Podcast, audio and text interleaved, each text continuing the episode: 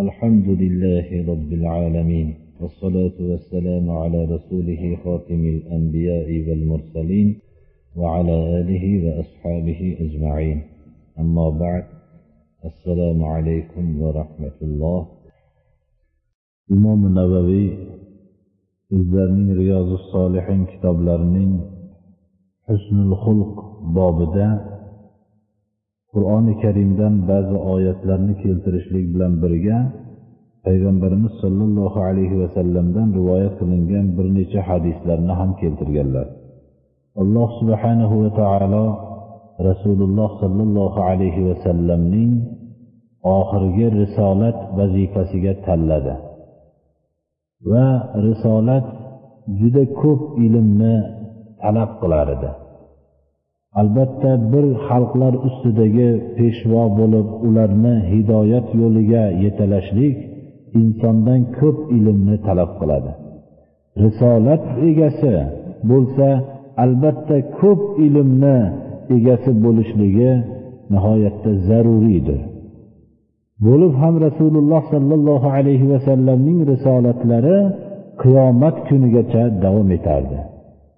Payg'ambarimiz sollallohu alayhi vasallamga berilingan ilmni qanchaligini bilmoqchi bo'lsak u kishining so'zlariki bismillahi rohmanir rohim utitu ilmal avvalina val axirin ba'zi o'rinlarda utitul qur'ana va mislahu ma'ahu. Men avvalinu oxirin kishilarning ilmi menga berildi dedilar. Va ba'zi o'rinlarda qur'oni karimni va qur'oni karimcha yana qo'shib menga ilm berildi dedilar. Qur'oni karim hamma ilmni o'z ichiga ijmoliy suratda o'z ichiga oladi. Alloh subhanahu va taoloning bu kalomi o'tgan hamma nozil qilingan osmoniy kitoblarni mansux qilgan qur'oni karimni ilmi qanchalik bo'lishligini olloh o'zi biladi. Shu qur'on ilmiga qo'shib yana shuncha ilm berilinganligi u kishiga qancha ilm berilinganligini shundan anglab olsak bo'ladi. Shu bilan birga risolat xalqlar ustidagi rahbarlik faqat ilmni o'zi bilan kifoyalanib qolishligi bu ilmni o'zi yetarli bo'lmaydi. Alloh subhanahu va taolo payg'ambarlarga qancha ilm ko'p ilm bergan bo'lsa bu ilmni boshqaradigan aqlni undan ham ko'p qilib berdi. Aql ilmni agar boshqarmas ekan ilm havoyi nafs yo'lida agar u qo'g'irchoq bo'lib qolar ekan ilm egasiga va o'zga kishilarga shunday jinoyatni qiladiki hayvonlar ham bu yomonliklarni qila olmaydi birodarlar. Shuning uchun alloh subhanahu va taolo ilmni boshqaradigan aqlni payg'ambarlarga yuqori darajada berildi. Buni qur'on istilohi bilan aytganimizda hikmat deb ifodalandi. Shuning uchun ham qur'oni karimda astaidu billah va man yu'tal hikmata faqad utiya khayran katira kimga hikmat berilgan bo'lsa ko'p yaxshiliklar berilibdi. Ya'ni ilmni boshqaradigan aql aql bilan ilmning mujassamlangan shaklini hikmat deb ifodalanadi. Har bir narsaning o'zini o'rnida ishlata bilishlik bu hikmatdir. Xalqlarning ehtiyojini sezib ularning ehtiyojini tushuntirish ham moddiy ma'naviy tarafdan qondirishlik bu hikmatdir ana. Hikmatning ma'nolarining bitta bir qismidir xolos. Shu bilan birga risolat egasi rasululloh sollallohu alayhi vasallamga ilm aql bilan birga husni xulq ham berildi. Husni xulqning qanchaligini qur'oni karimda qisqacha qilib astaidu billah va innaka laala xuluqin azim dedi alloh taolo. Siz buyuk xulqni ulug' bir xulq ustidasiz deb rasululloh sollallohu alayhi vasallamga ta'kid bilan alloh subhanahu va taolo bu shahodatlik berdi mana. Ya'ni guvoh bo'ldiki rasululloh ulug' sollallohu alayhi vasallam ulug' xulq egasi ekanligiga alloh robbil alamin guvohlik berdi mana. Bu xulq qanday xulq ekanligini rasululloh sollallohu alayhi vasallamning siyratlariga murojaat qilinsa u kishi butun sahroyi arablarni hatto qur'oni karim استعيذ بالله الأعراب أشد كفرا ونفاقا وأجدر أن لا يعلموا حدود ما أنزل الله على رسوله aroblar ya'ni rasululloh sollallohu alayhi vasallam risolat bilan jo'natilingan u atroflaridagi shaxslar aroblar deb ataladi shu aroblarning kufrda ham qattiq bo'lgan nihoyatda munofiqlik ham qattiq bo'lgan va olloh rasuliga tushirgan qur'onni tushunmaslikka eng bir loyiq odamlar edi deb qur'on guvohlik beryapti.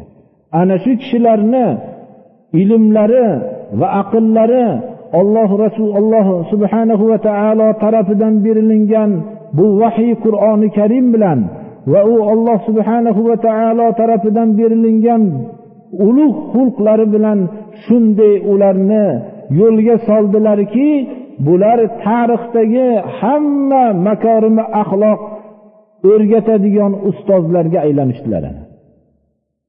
Anas roziyallohu anhu payg'ambarimiz sollallohu alayhi vasallamga yoshlik davrlaridan xizmat qilgan kishilardan. Bu kishi rivoyat qilib aytadilarki kana rasululloh sollallohu alayhi vasallam ahsanan nasi xuluqan odamlarning eng axloqlisi edilar muttafaqun alayhi hadis shariflardan abdulloh ibn amr ibn al as roziyallohu anhu bu kishidan rivoyat qilinadiki لم يكن رسول الله صلى الله عليه وسلم فاحشا ولا متفحشا وكان يقول إن من خياركم أحسنكم أخلاقا متفق عليه حديث لردن rasululloh sollallohu alayhi vasallam fahsh so'zlarni aytuvchi emas edilar vala mutafahhishan u kishini birovlar tarafidan g'azablantirsa ham baribir takalluf bilan ham qiyinchilik holatlarda ham fahsh so'zlarni aytmasdilar. Va aytardilarki sizlarning eng yaxshilar eng axloqli kishilaringlar derdilar. Agar bir kishi o'zini bir kunlik hayotiga bir nazar tashlasa o'zini eng suyumli odamlariga ham xunuk so'zlar bilan xitob qilib yuborganligini guvohi bo'ladi.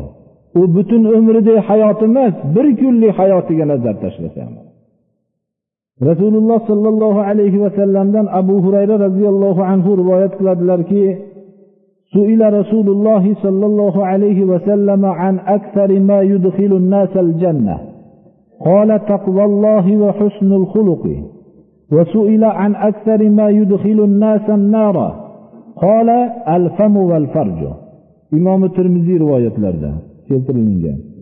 Rasululloh sollallohu alayhi vasallamdan savol tariqasida so'raldiki odamlarni jannatga kirgizadigan narsalarning ko'pi nimadan iborat deb so'ralganlarida aytdilarki ollohdan qo'rqish va yaxshi xulq dedilar. Va odamlarni do'zaxga kirgizadigan narsalarning ko'pi haqida so'ralganlarida aytdilarki insonlarni do'zaxga kirgizadigan narsa og'izlari sabab bo'ladi ko'proq do'zaxga kirishliklariga va hamda avratlari dedilar. Bu bilan bajariladigan gunohlar dedilar. Inson og'zi sababli juda ko'p gunohlarni qo'lga keltirib qo'yadi abu hurayra roziyallohu anhudan rivoyat qilinadiki rasululloh sollallohu alayhi vasallam aytdilarki akmalul mu'minina imanan ahsanuhum xuluqan va xiyarukum xiyarukum li nisaihim. Imomi termiziy rivoyatlarida keltirilgan. Mo'minlarning eng iymonlari komil bo'lgan kishi eng axloqlisi dedilar. Va sizlarning ichinglardagi eng yaxshilar ayollariga nisbatan yaxshi muomalada bo'lganinglar dedilar. Bu yerda islom nihoyatda o'zi insonlarni tarbiyalashlikda hassosligini ko'rsatgan. Ayollar insonlarning qo'lida bir zaifa bo'lib itoat bilan turishgan vaqtlarda qo'lida itoat bilan turgan kishiga zulm qilmaydigan odam qalbida ulug'ligi bor bo'lgan kishigina qiladi. Birovlarga zulm qilolmasdan zulm qilmasdan yurishlik bu hammani qo'lidan hammada bor narsa. Kishi ularga zulm qilishlikka kuchi ham yetmaydida majbur ularga axloqlik bo'lishlikka majbur bo'ladi. Ammo zaif qo'lida xususan ayollarga nisbatan ularni qo'lida har qanday jismoniy tarafdan ham quvvatli bo'lgandan keyin va hamda moddiy tarafdan ham ularga bemalol yordam berib turganligini vosita qilib turgan kishi ko'proq agar makorimi axloqi bo'lmasa zulm qilaveradi. Buni zulm qilmaslikka jur'at qilolmagan kishi albatta qalbida bir ulug'vorligi bo'lgan kishi. Shuning uchun rasululloh sollallohu alayhi vasallam juda ham sodda suratda sizlarning eng yaxshilar ayollariga yaxshi munosabatda bo'lganinglar dedilar.